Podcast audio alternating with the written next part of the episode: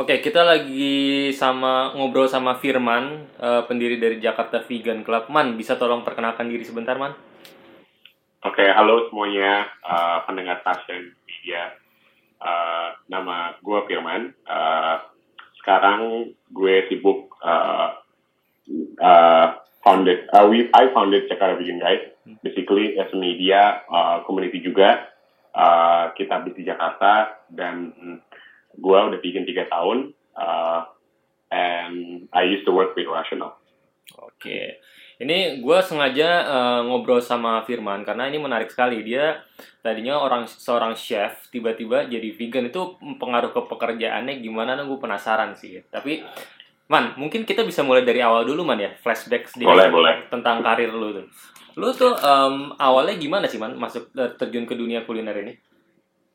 Oke, okay, kalau di flashback sebenarnya yang paling uh, awal sebenarnya kalau mungkin kalau zaman dulu orang tahu sekolah itu cuma ada SMA sama SMK kan. Yeah. Jadi memang dari dari dulu dari uh, SMA gue udah pilih SMK bro. Jadi uh, instead of gue masuk ke sekolah biasa, gue ambil SMK yang memang benar-benar fokus ke kulineri. Kalau zaman dulu namanya tata boga. Yeah, yeah, Atau sekarang SMK ada tulis apa maksudnya uh, sama apa enggak jurusannya cuman itu yang gue uh, ambil. Jadi memang gue belajar masak dari situ terus kuliah lanjut di Sakti ambil hospitality management. Di situ juga gue belajar masak. Setelah itu gue kerja di beberapa hotel restoran sampai akhirnya gue kerja di uh, rasional.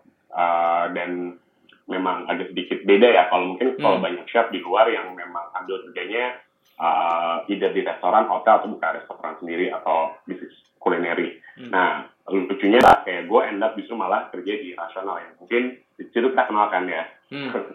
dan uh, gue kerja di sana kurang lebih hampir 8 tahun. Uh, dan ya yeah, I mean kalau misalkan zaman dulu mungkin nggak ada yang tahu rasional itu apa. Mungkin orang tahunya kombi steamer atau uh, kombi oven tapi uh, zaman sekarang hampir semua restoran atau hotel udah pasti punya kombi dan Rasional memang kebetulan salah satu market leader di industri consumer. Dan di situ juga sebenarnya gue sebagai orang dapur juga banyak belajar karena hmm. uh, walaupun banyak chef yang memang skillnya udah bagus tapi nggak semuanya itu tahu cara menggunakan sama maksimalkan rasional jadi uh, interesting uh, kayak untuk ngelihat apalagi dengan uh, culture Indonesia cuisine kan memang ada sedikit uh, berbeda ya sama Western. Mungkin kalau Western kalau ngomongin kombi orang kayak oke okay, masih make sense lah untuk masak di kombi steamer. Cuman kalau Indonesian cuisine itu memang agak susah. Makanya kayak selama 8 tahun terakhir sebelum uh, gue fokus di Jakarta Vegan Guide itu kayak gue uh, bantu teman-teman gue chef juga yang lain yang hidup mereka di uh, di hotel atau di restoran gimana caranya memaksimalkan si kombi ini. Oke, buat yang uh, belum tahu nih pendengar-pendengar yang belum tahu, uh, Rasional itu merek kombi oven uh, yang paling terkenal di Indonesia paling enggak ya. Nah, ya. gue sempat interview juga kan soal rasional. Gue malah berpikir pakai rasional sih setengah cheating juga ya. Maksudnya semua semua bisa nih. Ibaratnya ya, ya. itu itu alat ajaib yang bisa meminimalisir peran chef menurut gue sih. Jadi misalkan ya. lu tadinya pakai orang 10 gitu pakai rasional uh, walaupun emang nggak murah tapi lu bisa nge-cut down uh, uh, manning ya istilahnya ya benar-benar bisa nge-cut down staff, bisa juga cut down uh, consumption of kayak misalkan oil, hmm. sama karena dia juga multifunction, dia juga bisa nge, uh, apa ya, nge-cut beberapa equipment juga. Jadi sebenarnya idenya lebih bukan kayak ngegantiin chef sih, tapi lebih memaksimalkan yang ada di dapur. Jadi daripada misalkan lo punya 10 orang di dapur, uh, dengan hasil yang nggak efisien, uh, dengan ada rasional, lo nggak perlu sebanyak itu orangnya di, di dapur gitu loh. Jadi sebenarnya lebih kayak ngekat kerjaan yang sebenarnya bisa dikat sih tapi bukan berarti kayak literally bener-bener nggak nggak butuh chef sama sekali tetap butuh sama butuh chef ya sebenarnya. Karena ada orang yang kayak pas kita play gue demo di exhibition kayak wah jangan-jangan kalau ada rasional gue dipecat nih gitu kan.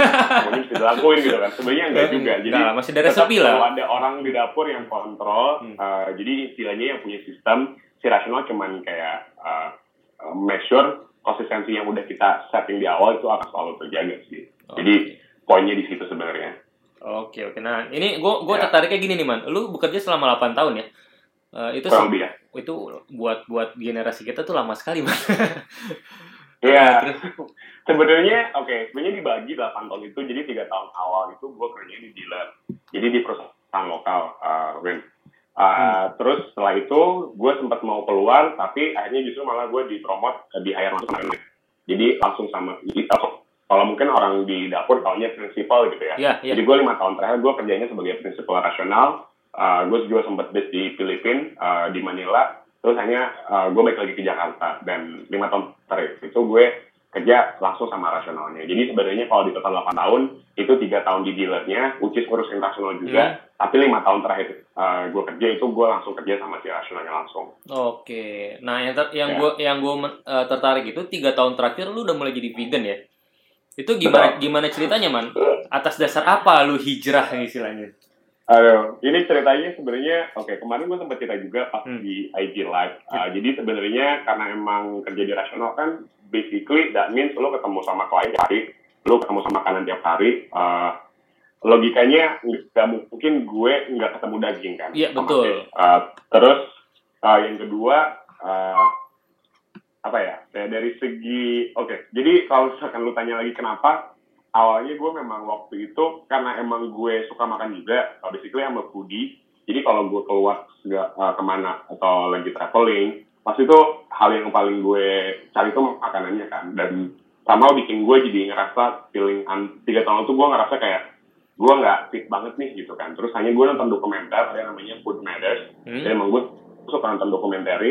Uh, dan di situ gue kayak ngeliat dari segi karena kan kalau lu ngomongin karena kan ada juga vegan yang masalah animal welfare kan dan lu sebagai orang dapur pasti akan lebih sedikit nggak terlalu relate karena lu tiap hari motong daging gitu kan. Jadi ngerti nggak sih? Oh, iya, kayak iya, iya. maksudnya ada beberapa orang iya jadi kayak buat gue itu hal yang normal. Hmm. walaupun sebenarnya setelah gue nonton film itu ada momen di mana gue juga sempat kayak shock juga ya karena ada beberapa fakta yang gue sebelumnya nggak tahu. Kayak contoh kayak daging merah itu ternyata kalau lu cek di website officialnya WHO Hmm? itu termasuk uh, list di karsinogen 2A jadi itu bisa jadi pence- uh, penyebab kanker Oke. itu yang gue nggak tahu sebelumnya. Hmm. Terus uh, yang masalah uh, uh, apa namanya uh, untuk greenhouse gas emission. Jadi Ya. itu lebih masalah environment ya. Hmm. Itu tuh kayak animal agriculture itu 80 uh, responsible untuk total dari uh, 18% dari total emisi yang ada di kita yang kita bikin di dunia itu. Bahkan kayak lebih banyak dibanding transportasi. Jadi lo bayang nggak sih kayak lo mungkin berpikir kayak transportasi yang bikin polusi gitu ya, yang Ya. bikin kita sekarang jadi lebih panas gitu kan Hmm. dunia. Uh, pasti kalau ngomongin masalah climate orang oh, pasti apa ya kayak agreed kalau kayak, kayak kita tuh sekarang lebih panas dibanding uh, sebelumnya gitu kan. Ya. Jadi sebenarnya uh, salah satu pen- uh, penyebabnya adalah di animal production itu, uh, Hmm. animal agriculture yang sebelumnya gue nggak tahu sama sekali. Jadi di situ juga salah satu yang bikin gue mikir kayak dari masalah kesehatan kayaknya udah nggak sesehat yang gue bayangin. Yang kedua environment dan again gitu kayak gue juga suka traveling dan gue relate kenapa karena kebayang gak sih kayak 10 tahun dari sekarang kalau ini terjadi terus kayak gue nggak tahu tuh bakal jadi kayak apa di dunia that's why itu yang nge-trigger gue kayak kenapa gue mau jadi vegan jadi kesehatan sama environment kalau animal welfare itu along the way gue kayak apa ya masih mungkin nggak se nggak se nggak se strong orang yang lain ya Hmm. kalau gue masih kayak ngelihat animal ya eh, nggak eh, bukan alasan pertama gue kenapa jadi vegan basically Tapi lu Kayak jadi gitu. j- jadi vegannya secara gradual atau langsung brek tiba-tiba lu stop makan daging? Eh, jadi setelah nonton dokumenter itu kayak satu bulan dua bulan gitu gue kayak coba-coba dulu kan Hmm. terus gue mesti research juga kayak double check apakah apa yang gue tonton itu emang ada faktanya nah makanya kayak gue cek cek tuh lah di website website yang official kayak gitu dan emang ternyata emang benar dan ya udah kayak sebulan dua bulan gitu gue transisi setelah itu gue langsung vegan tapi di tahun-tahun awal gitu karena kan gue masih kerja di rasional tuh Ya. jadi eh, sebenarnya sama kayak pertanyaan lo yang tadi ya apakah gue gimana gue bisa kayak cope dengan kerjaan gue di dapur ketemu sama orang ketemu sama makanan terus gue vegan Ya. jadi ada momennya di mana kayak gue harus cobain makanan kan Iya. Itu di awal-awal gue masih coba men. Jadi eh, mungkin sebenarnya kalau dibilang gue suka apa nggak suka gue nggak suka. Tapi again that's part of my job. Jadi di awal-awal tuh gue ngelihat kayak yaudahlah kayak gue juga nggak makan yang sepiring abis makan gitu loh. Jadi lebih kayak memang Testing ya. bakalan mak iya kayak gue makan memang pada saat memang perlu-perlu banget. Hmm. kalau memang karena kecuali kalau gue misalkan masak something yang udah sama ya tiap hari. Karena kan gue sering demo juga tuh. Hmm. and I know kayak ini nggak perlu buat taste kayak itu gue nggak bakal taste. Tapi kalau emang itu ada klien dan memang kliennya perlu coba dan gue harus tahu kasih feedback.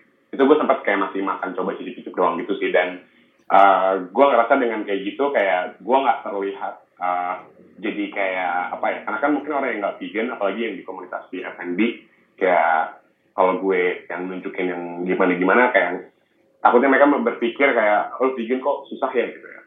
Although kayak maksudnya uh, gue juga nggak enjoy tapi at least gue nunjukin kalau gue respect kerjaan gue juga kan tapi uh, itu kan di awal-awal ya. Terus lama-lama juga kayak setelah uh, berapa tahun gitu kayak ya intinya ada beberapa lah momen emang gue yang harus tapi kayak nggak begitu juga sih. Tapi bos lu tahu Jadi, gak sih uh, tentang lu vegan gini? Tahu dong. Dan emang di awal tuh semua orang pada shock. Dan orang kayak pada bingung gitu. Bahkan kalau misalkan kita ada corporate uh, meeting dinner gitu. Kadang-kadang orang kayak langsung mikirnya kayak Jir, gue bisa makan apa ya? Kayak mereka harus bingung gitu buat gue karena mereka takut gue gak bisa makan. Uh. kayak ada momen kayak gitu kan, uh. kayak lu ke tempat restoran yang basically kayak heavy meat yeah. banget dan lu gak bisa ngapa-ngapain gitu kan. Tapi uh, somehow kayak gue udah bisa adjust karena gue juga gue udah lumayan lama dan uh, istilahnya ya lu pintar-pintar lah kalau misalkan emang nggak ada ya udah lu kayak paling kayak adjust makanan yang emang mereka serve mungkin kayak gua nggak gua nggak pakai daging atau nasi goreng pasti kan di semua restoran pasti ada nasi goreng kan hmm. yang paling gampang itu gua tinggal minta aja sama biasanya sama si waiternya untuk nggak pakai daging pakai telur kayak gitu loh oke okay. Eman, gue mau tanya deh. Ini kan vegan ada jenisnya ada banyak ya. Ada veg, hmm. bahkan setahu gue vegetarian dan vegan pun beda ya. Itu bisa jelasin gak sih ada kategori kategorinya apa aja? Oke, jadi sebenarnya vegan itu itu sebenarnya turunan dari vegetarian. Yeah. Jadi kalau misalkan vegetarian itu mungkin kalau misalkan yang udah, tapi vegetarian lebih familiar lah ya. Hmm. Basically mereka nggak makan semua animal product, uh, tapi mereka masih makan telur sama makan susu. Okay. Jadi itu vegetarian kan. Terus di bawahnya lagi itu ada lacto vegetarian. Lacto vegetarian itu mereka uh, mereka nggak uh, makan daging uh, sama turunannya uh, ayam, ikan kayak gitu nggak makan. Tapi dia masih minum susu. Oke. Okay. Kalau ada lagi namanya ovo vegetarian, itu dia nggak makan susu, nggak makan daging, tapi dia masih minum telur, ah makan telur. Oke. Okay. Terus uh, ada yang lacto ovo, jadi mereka masih minum dua-duanya. Hmm. Uh, terus kalau gue uh, vegan, jadi kita nggak makan ayam, nggak makan daging, nggak makan ikan, sama turunannya termasuk telur, sama juga kita nggak makan. Tapi man, kok gue sempat sempat lihat kalau bawang putih pun dilarang ya? Ah itu beda lagi. Jadi kalau misalkan bawang putih itu sebenarnya itu salah satu vegan yang memang mereka karena oke okay, jadi ada beberapa alasan orang vegan hmm. ada karena mereka memang uh, karena kesehatan ada yang karena environment ada yang karena uh, animal welfare kayak mereka emang nggak bisa makan uh, hewan ada juga yang karena memang mereka itu kayak culture atau agama nah yang nggak makan bawang itu biasanya mereka memang yang memang lahir di keluarga yang memang nggak makan daging dan mereka lebih memilih lifestyle itu karena masalah agama. Jadi okay. yang nggak makan daging, yang nggak makan bawang itu sebenarnya considernya adalah lebih kayak lebih ke religion choices sih. Tapi oh. by definition vegan itu makan bawang. Jadi kalau lu ketemu sama orang yang makan bawang, hmm. uh, belum tentu mereka uh, biasanya mereka masih vegetarian, belum tentu vegan. Tapi uh, again, the reasonnya itu adalah biasanya memang lebih karena masalah uh, itu religion choice-nya mereka, bukan karena definisi vegannya ya. Hmm. Oke, terus man Oke, waktu awal-awal lu menjalani sebagai vegan itu um, apa ya susah nggak sih sebenarnya? Perubahan uh, apa yang lu rasakan? Lumayan sih. Kalau tiga tahun lalu kayak gue ngerasa uh, makanan vegan tuh masih nggak terlalu banyak optionnya. Kedua rasanya juga masih uh, belum belum ketemu yang enak banget. Terus uh, beberapa tempat yang ada vegannya juga uh, ada beberapa yang mungkin dari segi harga nggak nggak affordable itu. Hmm. Uh, tapi setelah lama-lama lu vegan kayak lu uh, sadar kayak sebenarnya Indonesia itu salah satu negara yang memang lumayan vegan friendly ya yang kita tahu kacang-kacangan sayuran buah-buahan tuh kayak ada setiap tahun jadi nggak ada sih seperti mana kita nggak ada kecuali mungkin lagi musim apa atau enggak intinya musimnya itu pasti kita selalu ada lah kayak sayuran kacang-kacangan itu uh, sepanjang tahun jadi uh, Indonesia sebenarnya bisa banget jadi vegan Cuman mungkin kalau misalkan dari segi ide untuk kayak kita nggak makan daging sama sekali, mungkin itu yang orang bikin bingung kan. Jadi lu makan hmm. apa gitu. Sebenarnya kalau kita mikir lagi, kita lihat ke pasar deh, bayangkan mana daging, apa sayuran buah-buahan dan lain-lain yang lebih banyak. Kalau misalkan kita lebih lihat lebih jelas lagi, itu justru malah lebih banyak sayuran sama buah-buahan dan lain-lainnya gitu kan. Yeah. Cuman mungkin orang nggak tahu gimana cara masaknya, sama mana yang dan kita udah di apa ya udah di culture kita tuh udah dibikin mindset kita tuh kayak untuk dapat protein perlu daging. Padahal itu sebenarnya salah banget. Manusia itu perlu yang namanya protein karbohidrat lemak dan um, apa mikronutrien yang lain. Dan itu Hmm. sebenarnya bisa di bisa didapetin semuanya di uh, tumbuh-tumbuhan. Hmm. jadi nggak harus makan daging. Cuman memang daging punya uh, kayak istilahnya uh, uh, punya apa ya karena mungkin uh, kita dididiknya kayak lo kalau makan daging itu kayak susah gitu jadi orang tuh kayak selalu asosiasi protein sama daging padahal itu nggak nggak sepenuhnya betul gitu Oke. Tapi sebenarnya eh, penelitian tentang eh, nutrisi ini sebenarnya juga agak membingungkan kan. Jadi maksud gue gini loh. Waktu ingat gak sih waktu zaman kita SD gitu kan pelajarannya 4 sehat 5 sempurna gitu kan. Mhm. Kalau lihat piramida makanan, karbohidrat paling bawah tuh maksudnya yang paling banyak mesti kita konsumsi gitu. Terus baru Hmm. protein, lemak dan segala macam. Tapi sekarang mulai kebalik nih kayaknya orang mulai menj- menjauhi karbohidrat nih man. Kalau di vegan Ya. sendiri ada perubahan semacam itu nggak sih? Oke, jadi sebenarnya banyak miskonsepsi. Pertama adalah lima sempurna itu udah nggak dipakai lagi dari 10 15 tahun yang lalu. Hmm. Sekarang tuh udah diganti yang uh, sama uh, isi piringku atau kalau orang ada bilangnya uh, gue lupa namanya. Intinya makanan sehat sempurna itu tuh udah udah outdated dan udah nggak dipakai sama Indonesia. Ya. Jadi kita tuh sekarang udah me- menjunjung namanya makan yang seimbang. Nah, seimbang tuh yang kayak apa tuh man? kalau misalkan hmm, seimbang itu adalah of course kayak kita perlu yang namanya karbohidrat, kita perlu namanya protein, kita perlu namanya lemak dan itu semuanya kita bisa dapat di uh, apa namanya di plant based uh, food. Uh, dan again uh, kalau misalkan kayak apa ya Indonesia kan orang selalu bilang oh gue lagi diet nih, gue Hmm. nggak makan nasi. Emang bener sih nasi putih itu emang nggak kalau misalkan di vegan sendiri gitu. Eh, nasi putih itu salah satu uh, karbohidrat yang memang kayak apa ya yang paling rendah gitu loh katanya. Nutrisinya Tapi lah ya. Bukan iya tapi bukan berarti kita nggak boleh makan sama sekali. Jadi intinya semua diet yang bilang kalau lu nggak ma- uh, nggak- kalau lu disuruh uh, nggak mengkonsumsi salah satu nutrisi yang ada di uh, nggak yang nggak ada gitu kayak contoh misalkan uh, dietnya nyuruh lu nggak makan karbohidrat itu it's a complete uh, apa ya kayak itu salah gitu. Karena yang namanya diet yang betul adalah diet yang emang lu lengkap dan emang semuanya lu kepenuhi gitu. Karena kan manusia tetap kayak untuk energi uh, lu butuh namanya karbohidrat lu butuhnya protein lu butuh, lu butuh lemak. Jadi kalau lu nggak ada salah satu di ada salah satu di antara nutri ini ya lu bakalan sakit gitu. Jadi uh, makanya kenapa orang kayak kalau misalkan ada diet dua minggu ya karena memang kalau misalkan lu ngomongin diet nggak ada yang namanya diet sustainable jadi biasanya tuh mereka cuma dalam beberapa waktu tertentu udah gitu orang bakal baik lagi. Kenapa? Karena memang emang salah gitu. Karena at the end of the day the, the best diet is diet yang memang lebih bisa dijalanin gitu. Dan salah satunya kalau misalkan kayak di plant based ya tetap gitu. Kita bisa masih makan nasi kita tetap masih bisa makan protein. Cuman again kita lebih ber- memilih kayak source protein sama uh, lemak sama karbohidratnya yang lebih bagus gitu. Kalau misalkan di vegan pun sebenarnya banyak juga vegan kok yang nggak sehat jadi kalau misalkan kita mau sehat vegan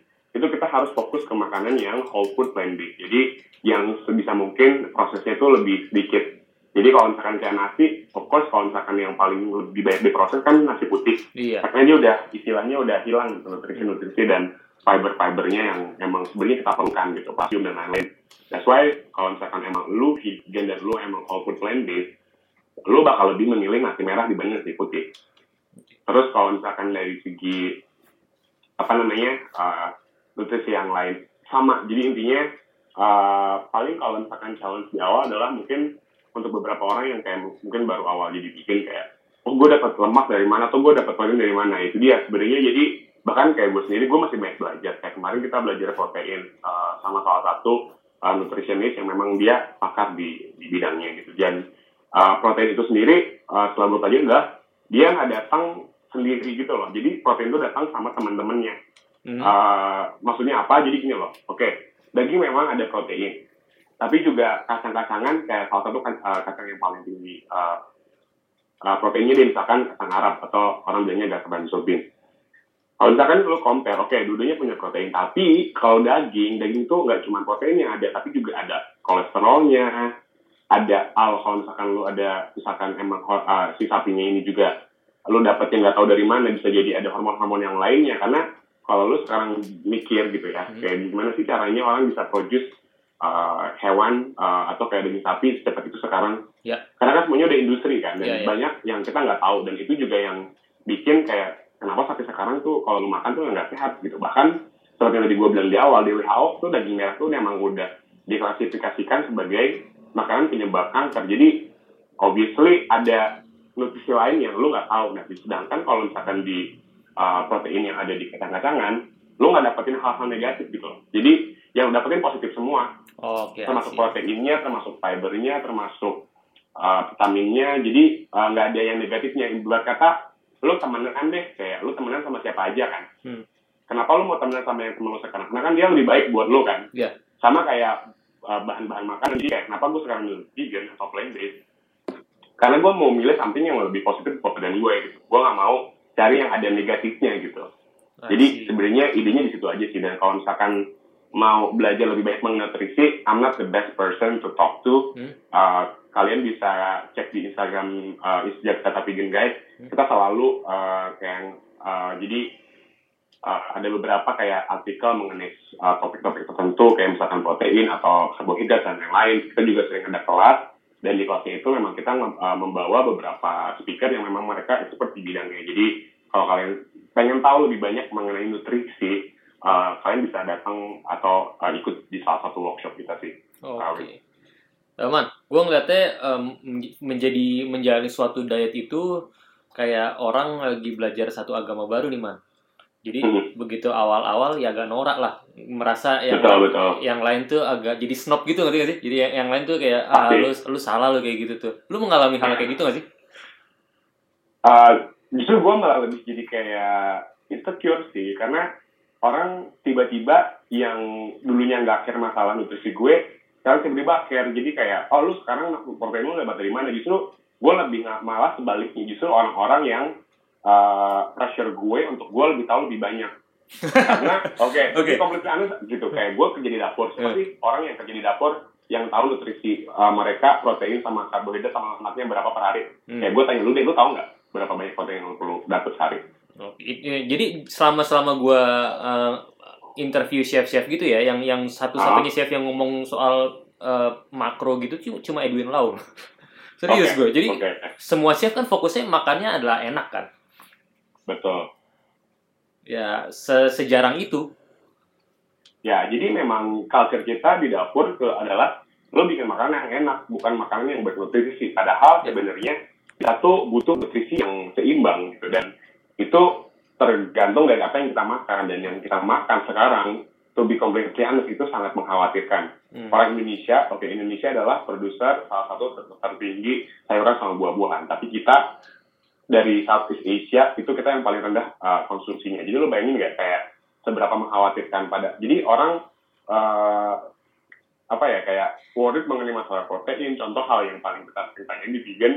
Tapi padahal yang lebih mengkhawatirkan adalah justru orang-orang gak usah Indonesia deh, hampir keseluruhan gitu in general, kita kekurangan makan fiber. Jadi Oke. eh itu yang juga hal yang kayak karena gue ngerti nih kayak uh, memposisikan diri gue sebagai teman-teman gue yang masih belum vegan ya, Hmm. yang masih kerja di dapur. Jadi gue nggak yang bukan bukan nggak mau snob gimana, tapi kayak buat gue nggak perlu jadi snob dan memang ada vegan yang kayak gitu, uh, tapi bukan berarti semuanya kayak gitu dan kalaupun ada orang yang kayak gitu, biasanya mereka datang dari sebenarnya kayak frustasi mereka mengenai fakta yang mereka udah tahu gitu loh bro. Jadi gue Oke. juga paham dari dua belah pihak. Hmm. Uh, karena ya again kalau gue sebagai misalkan gue punya keluarga, of course gue mau keluarga gue sehat gitu. Pada saat mereka makannya nggak sehat, pasti gue worried dan caranya lo nggak tahu bisa dengan cara yang positif atau lu caranya yang songong gitu kan. Jadi tergantung cara orang Eh, mengambil stepnya yang mana nih. Cuman kalau gue sih kayak teman-teman gue kayak I, I think they are smart enough to choose whatever decision karena gue yakin dan gue percaya semua orang itu punya journey masing-masing. Kalau gue sendiri emang journey gue kenapa gue jadi vegan uh, salah satunya adalah memang nonton dokumenter yang ngasih gue semuanya semua fakta yang ada tapi juga at the same time di saat itu gue lagi overweight. Gue pernah waktu itu naik gojek uh, training mau training ke customer gue. Tiba-tiba celana gue udah kesempitan gitu sobek men. Dan itu panjang banget. Gue kayak anjir gue gak mungkin lagi balik ke rumah buat ganti Eh. karena udah telat kan kayak. Ya udah gue pergi aja ke customer semua. Untungnya customer gue teman gue kan. Eh. jadi ya udah gue training dengan tanda gue sobek jadi gue tutupin pakai traynya rasional. Oke. jadi kayak that's like a turning turning point. Dan Eh. orang orang yang memang uh, punya turning point masing-masing. Ada beberapa temen gue yang kayak akhirnya vegan gara-gara dia sadar ternyata keluarganya itu turunannya itu punya diabetes semua. Dan again diabetes itu bukan turunan gitu. Tapi uh, turunan iya bisa tapi itu cuman persentasenya itu kecil banget. Lebih ke kebiasaan Sebenarnya kan? bikin iya tapi se- sebenarnya adalah kenapa orang bisa punya keturunan diabetes. Karena gaya makan uh, opa lu terus sama lu punya bokap lu sama lu itu sama. Iya That's why lu betul. punya kecenderungan Hmm. punya penyakit yang sama. Karena you are what you eat kalau lu makan sama kayak makanan bokap lu ya udah gitu loh Hmm. lu siap-siap terima the fact kalau lu juga bakal punya penyakit yang dia dapat gitu Iya. jadi it- sesimpel itu dan lu bisa reverse itu dengan cara makan yang lebih yang lebih yang lebih sehat gitu dan gua nggak tahu kenapa apa emang kata sehat itu kayak agak sedikit kayak eh, apa ya kayak punya punya stereotip kayak setiap kali asosiasi sehat itu adalah nggak enak mahal sama boring gitu ya Hmm. mungkin benar ada benarnya tapi sekarang tuh udah nggak kayak gitu lagi bro jadi kayak mungkin ada orang yang kayak ada chef-chef yang gue ketemu tuh kayak wah vegan tuh apa sih lo kayak istilahnya uh, look down untuk veganism padahal dia nggak tahu kayak if you go see the uh, the western world right now kayak everybody are trying so hard to how to make like much better food karena kita nggak bisa hidup kayak sekarang dengan jumlah populasi manusia yang lebih banyak dengan sistem yang sekarang gitu. Kita butuh empat dunia lagi untuk orang bisa makan kayak sekarang. Kalau lo misalkan mau sustainable gitu dan nggak mungkin. Jadi the only way adalah gimana caranya kita bisa uh, uh, makan yang lebih sustainable dan uh, lebih sehat buat manusia juga sama buat environment dan salah satu caranya adalah dengan uh, you go plant based gitu. Jadi itu uh, jadi emang kenapa gue mention ini dari tadi karena emang that's the truth bro. Jadi kayak gue nggak vegan cuma gara-gara gue pengen sehat doang. That's not the only option and that's not the only answer. Oke. Nah ini Gitu. setelah lu menjalani vegan, terus eh, lu akhirnya bikin Jakarta Vegan Guide nih. Ini ceritanya gimana nih? Ya. Ini lebih serius lagi kan ceritanya? Dari Enggak, sebenarnya justru ini lebih simpel sih ceritanya. Intinya tiga tahun lalu, uh, tahun setelah gue vegan, gue ngerasa kayak, deng, kayak susah banget ya cari makanan di Jakarta. Ya udah, kayak gue cari di Instagram nggak ada, cari di internet view susah, media-media yang udah gede juga mereka nggak terlalu banyak ngomongin soal vegan. Jadi kayak, kenapa kita nggak punya platform yang bisa nge-curate tempat-tempat vegan gitu. Bahkan foodies pun yang vegan tuh masih jarang gitu ya, Instagram-Instagram gitu lah, yang kayak anak jajan kayak gitu-gitu lah. Hmm. itu belum ada. Jadi makanya terciptalah ide si Jakarta Vegan Guide Uh, jadi gua awalnya bahkan gua bener-bener kayak modalnya nggak ada sama sekali. Cuma modal handphonenya udah gua punya. Karena gua belum punya kamera jadi gua cuma repost repost aja tuh bro. Kayak Hmm. cek hashtag kayak vegan di Jakarta. Ternyata waktu itu udah ada tapi emang nggak sebanyak itu kan Yaudah dari situ gua mulai-mulai nge-curate tempat-tempat vegan yang di Jakarta yang udah ada sampai sekarang dan uh, tahun lalu di tahun uh, satu tahun satu setengah tahun kita jalan uh, animo orang mengenai masalah uh, vegan itu lebih tinggi. Uh, kita juga di follow banyak sama beberapa public figure. Kenapa? Karena kayaknya ya beberapa dari mereka makanya juga interest sama lifestyle vegan dan ada beberapa dari mereka juga bahkan yang udah jadi vegan gitu kan Uh, dan itu uh, apa ya bikin kita semakin kayak yakin kayak emang ini bakal jadi lifestyle yang bakalan uh, orang jalin terus gitu. Bukan cuma tren yang kayak keto diet gitu datang udah gitu hilang lagi kan. Hmm. gue ngeliat kayak bak- akan lebih sustainable dan beruntungnya di tahun lalu kita uh, sempat uh, ketemu sama satu partner kita. Jadi kayak VC gitu venture capitalist jadi uh, mereka mau invest uh, ya udah dari situ uh, akhirnya kita sempat ada discussion beberapa kali meeting. Akhirnya gue decide untuk uh, ok- apa namanya kerja sama sama mereka dan gue resign di rasional per Maret tahun ini. Jadi pokoknya sebelum PSBB persis Hmm. itu gue cabut dari rasional terus gue langsung fokus di JPG terus tiba-tiba pandemik. Jadi uh, gue nggak tahu ya apakah itu menyedihkan. Ya kan? Cuman kayak intinya uh, semenjak Maret tahun ini gue udah full time di Jakarta Vegan Guide Oke, jadi oke bi- bisa kasih tahu kita nggak sih eh, maksudnya Jakarta Vegan Guide ini selain tadi kan lu bilang eh, repost-repost dan di Instagram ya aktifnya ya. Mhm, mhm. Activitiesnya tuh ap- ngapain aja? Jadi sebenarnya oke, eh, intinya sebenarnya kita tuh sama kayak kalian. Kita nge-highlight masalah mengenai makanan. Kita sebenarnya eh, lebih eh, kita mau jadi media. eh, kita udah ada website, basically. Uh, kita nggak we were not going into publishing yang di print tapi kita ada di social media uh, selain media juga kita uh, ada podcast juga kita juga ada uh, ada YouTube channel terus juga uh, intinya Dikasih tau dong bro nama, nama podcast dan itunya apa? Silahkan promo nih bu. kalau misalkan kalau kita sebenarnya so far sih yang uh, apa namanya yang lagi yang mungkin bisa lebih gampang lah ya Hmm. di Instagram aja Oke. itu kita lebih banyak uh, di situ juga karena kan memang demografi kita lebih anak-anak muda gitu kan Ya. jadi uh, kalau misalkan kalian mau cek atau follow di Jakarta Vegan Guide at Jakarta Vegan Guide uh, itu di situ sih kita ngepost uh, segala hal mengenai lifestyle dari mulai makanan tempat vegan nutrisi terus juga uh, ya pokoknya karena uh, vegan itu kan nggak cuma makanan doang jadi itu juga ada beberapa produk lifestyle jadi uh, hampir semuanya lah mungkin kalau kalian tahu apa namanya beberapa media yang lain kurang lebih kita sama cuman kita revolve around vegan lifestyle aja sih Oke, tapi lu kenapa Gitu. membatasi diri lu sebatas Jakarta nih? Kan di kalau Bali setahu gua komunitasnya juga banyak atau yang vegan-vegan gitu. Oke, pertama gue tinggal di Bali. Eh, sorry, pertama gue tinggal di Jakarta, jadi lebih gampang. Hmm. Dan sebenarnya awalnya kan emang niat kita kan nggak segede itu, bro. Jadi emang ya udah gitu niat kita cuma kayak pengen nge-curate tempat di Jakarta karena kita nggak usah ngomong Indonesia di Jakarta itu masih belum explore kan. Awalnya kayak gitu, tapi kita tahu kayak Indonesia itu besar dan apalagi kalau kita ngomongin vegan justru Bali sebenarnya lebih ready ya. Hmm. Bali itu lebih lebih terkenal mengenai vegannya dan kalau misalkan kalian masuk ke website kita, kita juga sebenarnya nggak cuman nge-highlight Jakarta doang. Justru kita sebenarnya mau jadi kayak the hub-nya. Tapi uh, bukan berarti kita cuman lingkupnya cuman Jakarta doang. Kita juga ngomongin travel ke luar negeri. Kita juga ada directory seluruh Indonesia. Jadi di Bali, Bandung, uh, itu kita ada di direktorinya di situ juga. Jadi kalau mau cari tempat makanan di Indonesia, itu bisa juga. Atau mau traveling keluar, kita juga punya beberapa artikel kayak suggest untuk tempat di luar tuh yang vegan di mana aja. Jadi sebenarnya uh, Jakarta Vegan Guide walaupun namanya Jakarta, tapi kita juga uh, dan ke- alasan kenapa juga kita uh, pakai bahasa Inggris ya bukan bahasa Indonesia karena kita mau orang luar tuh tahu gitu loh. Indonesia itu vegan friendly banget dan kita punya media yang bisa cover dan kita bisa sharing cerita kita ke, ke orang lain biar mereka juga bisa baca gitu loh bro. Oke, kalau offline Iya. activity sih gimana? Kita punya workshop. uh, sebenarnya sebelum pandemi ini kita sering uh, kita punya regular event. Kita ada uh, ada workshop, ada ada talk show, ada seminar juga. Itu biasanya kita bikin dan kita juga akan uh, announce di sosial media kita. Cuman karena pandemik, jadi semuanya sekarang kita masuk online. Hmm. Bahkan kita juga punya kelas masak. Jadi kalau misalkan kalian pengen belajar masak vegan, mungkin nggak tahu mulainya dari mana.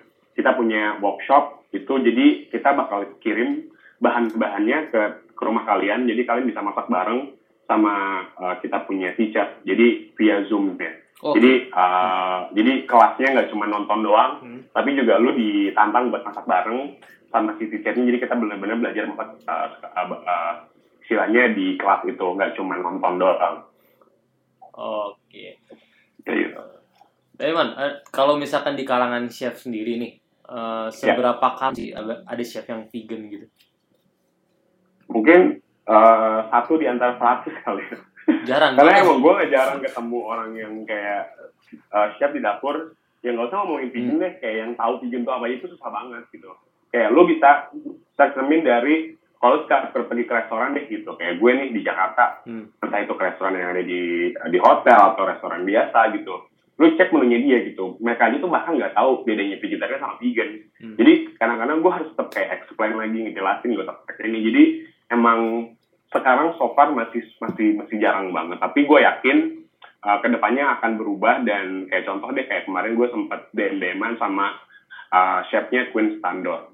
Uh, Oke. Jadi uh, basically sebelum gue vegan gue suka banget makan India dan salah satu restoran yang gue suka makan itu adalah Queen Standor dan baru aja mereka mereka baru aja nge-launch makanan apa uh, option vegan option dan itu menunya banyak banget dan walaupun India terkenal sama vegetarian tapi jarang banget yang punya vegan option karena kan kalau misalkan Indian food tuh it's all about dairy, it's all about cheese, it's all about kayak apa ya? kayak- Spices.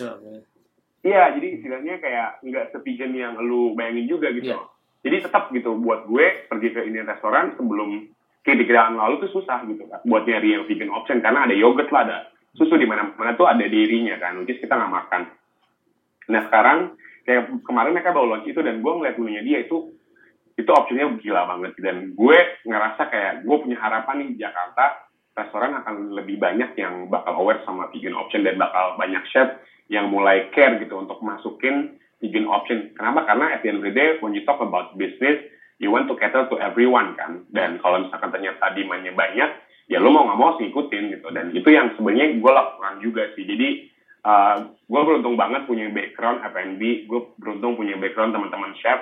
At the same time juga gue punya community, jadi gue bisa ngomong ke dua belah pihak gitu loh. Jadi gue bisa ngomong ke F&B suppliernya kayak, dude kayak, lu tau gak sih banyak orang yang sekarang tuh vegan dan mereka tuh susah carinya, jadi lo harus bikin gitu. Dan at the same time, gue juga kayak preaching gitu ya di sosial media, walaupun mungkin gak preaching banget, tapi kayak, uh, I mean like our social media is very inclusive, jadi nggak yang kayak, gue gak bakal ada tuh yang namanya nge-post kayak orang kayak, uh, lagi motong sapi gitu kayak that's not the way we approach veganism. Kayak kita pengen veganism itu buat semua orang kalaupun lu nggak vegan nggak masalah gitu. Kayak kita promoting kayak untuk semua orang buat makan lebih banyak yang berbasis nabati atau plant based kenapa? Karena that's the apa ya uh, the most sustainable the most the healthiest dan honestly kayak there's so many benefit yang lu bisa dapetin dengan lu makan lebih banyak plant based dan lu nggak harus sesuatu jadi vegan 100% gitu loh. karena uh, kita lebih butuh banyak orang yang lebih makan lebih banyak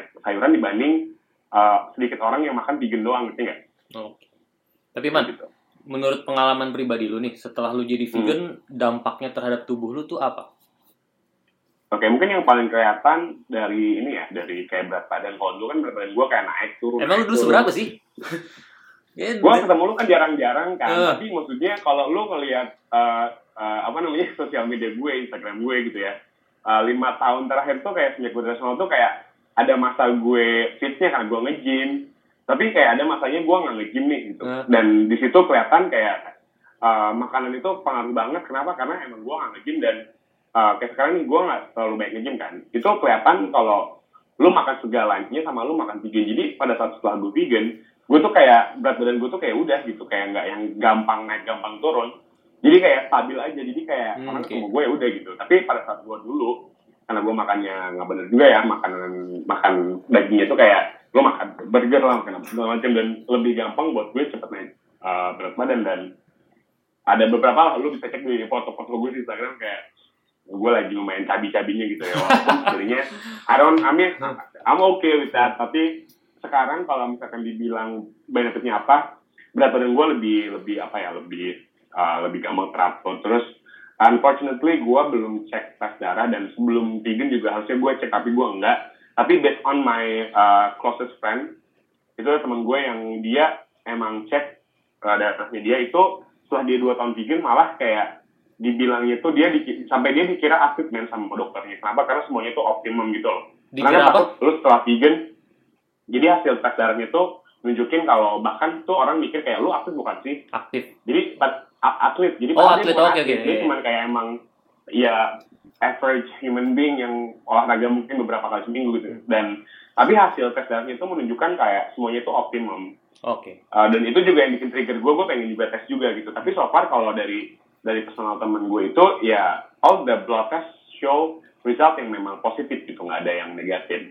Dan kalau gue sendiri personally gue bahkan kemarin tuh kayak selama pandemi ini nih uh, gue sempat takut kan kayak gila ya orang gampang sakit terus kayak dengan corona segala macam dan gue so far tuh nggak sakit sama sekali gitu loh selama dua tahun terakhir lah at least kayak jarang sakit se- kalau dulu kan gam- apa-apa gampang pilek Hmm. apa-apa gampang demam gitu kayak sekarang tuh gue jarang banget sakit sih itu hal mungkin yang kayak gampang terdeteksi dari luar ya Hmm. mungkin kalau dalam kan lo harus cek sendiri kan Ya. tapi uh, personally I think kayak badan gue lebih kayak lebih lighter terus kayak uh, gue juga dari segi uh, apa namanya uh, apa ya kayak looks kayak gue berat badan tuh nggak nggak naik turun terus ya than that sih lebih kayak orang bilangnya kayak kulit lo lebih bersih kayak gitu gitu sih Oke. Ada yang bilang lu mirip-mirip satu artis gitu? oh nggak ada belum belum Gua doang kayaknya bilang. lo doang kayaknya Oke, waktu pertama kali gua ketemu Firman nih gua agak ragu nih kok Samuel Rizal lu kan ya? Soalnya botak-botak gitu juga kan. makasih loh bisa Oke. Terus man, uh, lu lu tadi bilang lu positif sama pertumbuhan apa komunitas vegan di Jakarta ya terutama ya. Itu dasarnya apa, Ya. Man? Uh, Oke, dari sosial media kayak gue ngelihat kayak Jakarta Vegan dalam waktu dua tahun terakhir kita ngelihat kayak karena kan lu bisa ngelihat insight kan? Dan mostly yang Hmm. follow kita tuh orang Jakarta semua.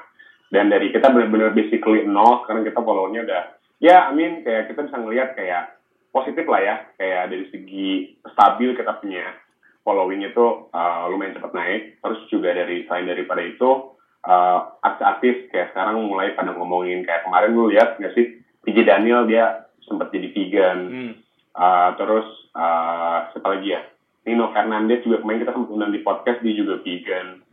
Uh, banyaklah hal-hal yang lo mungkin kalau dari segi yang lihat mata tuh mungkin nggak kelihatan ya. Tapi kalau misalkan gue karena gue tiap hari ada di industri ini ya contohnya dari DM DM sama uh, small small business yang sekarang tuh bermunculan uh, yang menjual produk vegan itu banyak banget men compare Oke. sama tiga tahun lalu. Jadi gue ngelihat uh, trennya itu dari dari hal-hal kecil yang gue lihat setiap hari dari mulai bisnis small bisnis yang baru mulai terus restoran-restoran sekarang mulai nambahin vegan option artis-artis sekarang udah mulai jadi pada vegan juga jadi itu adalah uh, validation yang gue bisa lihat setiap hari walaupun mungkin kecil ya Uh, tapi lama kelamaan orang bakal ngeliat ini sebagai satu hal yang mungkin jadinya kayak hal yang normal gitu. kan sebenarnya semua lifestyle tuh bakal mengalami tiga fase kan Hmm. pertama orang ngelihatnya pastinya adalah kayak uh, kaget kan kayak shock kayak ini apa sih? Gitu. Orang masih masih belum bisa nerima gitu kayak uh, vegan itu apa? Gitu. Terus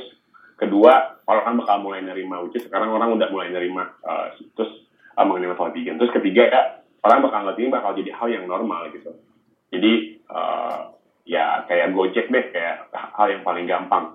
Contoh gitu ya di awal kan lu kayak Gojek apa sih? Gitu. Mereka ngelewatin masa orang kayak skeptik gitu kan mengenai Hmm. Gojek. Terus kedua orang mulai nerima karena orang udah udah udah mulai kayak oh ternyata Gojek ada fungsinya terus lama-lama hal sekarang udah hal yang kayak biasa gitu Oh. sama kayak vegan juga dan gue ngeliatnya itu bakal sama gitu ke depannya Oke, ini pertanyaan terakhir dari gue Ya. nih. Em, kalau misalkan ada yang mau vegan, eh, tips apa Ya. nih dari lu? The best tips dari lu? Oke, ikut kelas-kelas binar, uh, mau, mau itu online atau YouTube, baca-baca banyak buku, jangan males. Karena gue tau banget orang itu malas mau baca, kalau lu misalkan care sama apa yang lu masukin ke badan Hmm. lu, you have to do your own research. Jangan percaya sama apa yang orang bilang, atau sama yang gue bilang sekarang, kayak do your own research, decide based on your conscious decision, dan apa yang lu yakin itu benar buat lu, dan benar juga buat uh, yang ngasih impact positif nggak Hmm. cuma ke lu tapi juga ke ke hal yang lain kayak gitu sih.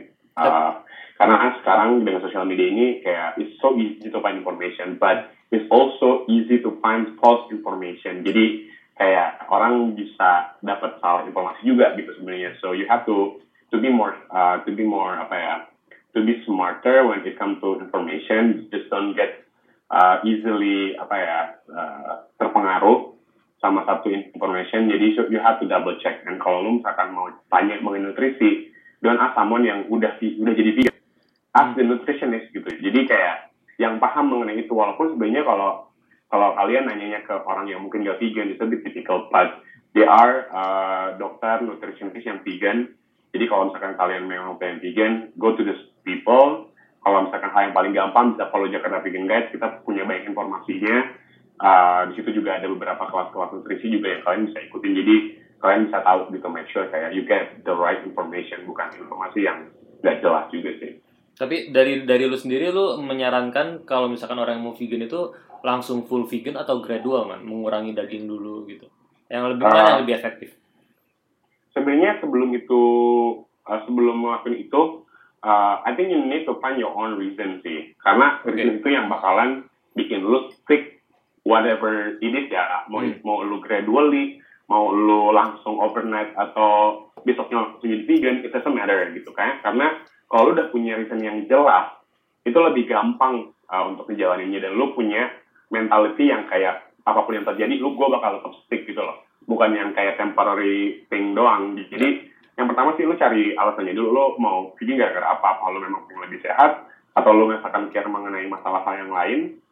Atau emang ya lu cuma ikut-ikutan doang. Itu sih itu yang salah kan sebenarnya once you know what's the reason why you wanna go vegan, untuk proses setelah itu, it's so easy gitu loh. Lo bakalan secara nggak langsung unconsciously, lo bakal ngelakuin untuk gimana caranya lo bisa bisa ngejalanin itu.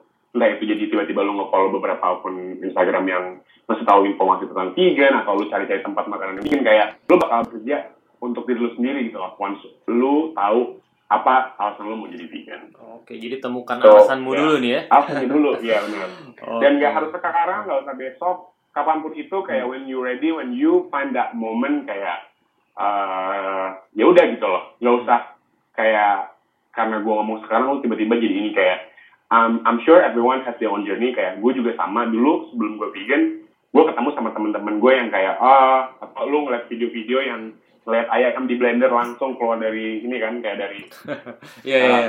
kayak itu dulu gue gak relate banget bro. Apalagi kayak dude kayak gue makan itu tiap hari dan gue motong itu tiap hari gitu. Jadi kayak gue gak terlalu relate. Tapi ada saatnya di saat itu gue kayak relate. Jadi semua orang punya jadinya masing-masing jadi nggak usah kayak ngerasa apa ya kayak uh, intimidated uh, atau kayak ini sampai atau malah sebaliknya jadi lu ngerasa kayak offended gitu karena Hmm. banyak orang yang kalau dikasih tahu hal yang against sama yang mereka uh, percaya mereka malah jadi kayak ofensif kan Iya. jadi mereka jadinya lebih kayak ngerasa apa sih lo Hmm. kalau ekstrim gitu Hmm. kayak ya udah gitu loh you don't have to do that kayak you just need to accept kayak everybody has their own decision you need to respect that and at the same time orang bakal respect lu juga so I think that's the most important sih Oke, oke, menarik. Akhirnya Ya. aku bahas tema vegan juga di Passion. Nah, thank you so much bro buat thank you so much. ini Nah, lu, lu good luck ya Jakarta Vegan Guide-nya. thank you so much man thank you so much good luck juga buat Tasya Nah, lain kali tengah-tengah kalau pandemik ini setelah pandemi ini ada event-event undang-undang lah kita ngobrol-ngobrol Boleh, boleh. nanti. paling kalau mau kita ada event minggu depan Hmm? demo gitu online kalau misalkan lo mau uh, lo bisa ikuti so you can have an idea of what our cooking event looks like atau kalau misalkan lo mau join yang hands on lo juga bisa masak di rumah maybe you wanna learn how to cook some vegan food you know you can gue bisa undang lo sih kalau mau Siap, siap, siap. Ya. Oke. Thank you ya, Man. Sama-sama thank you so much see you. See you. Have a good night. Bye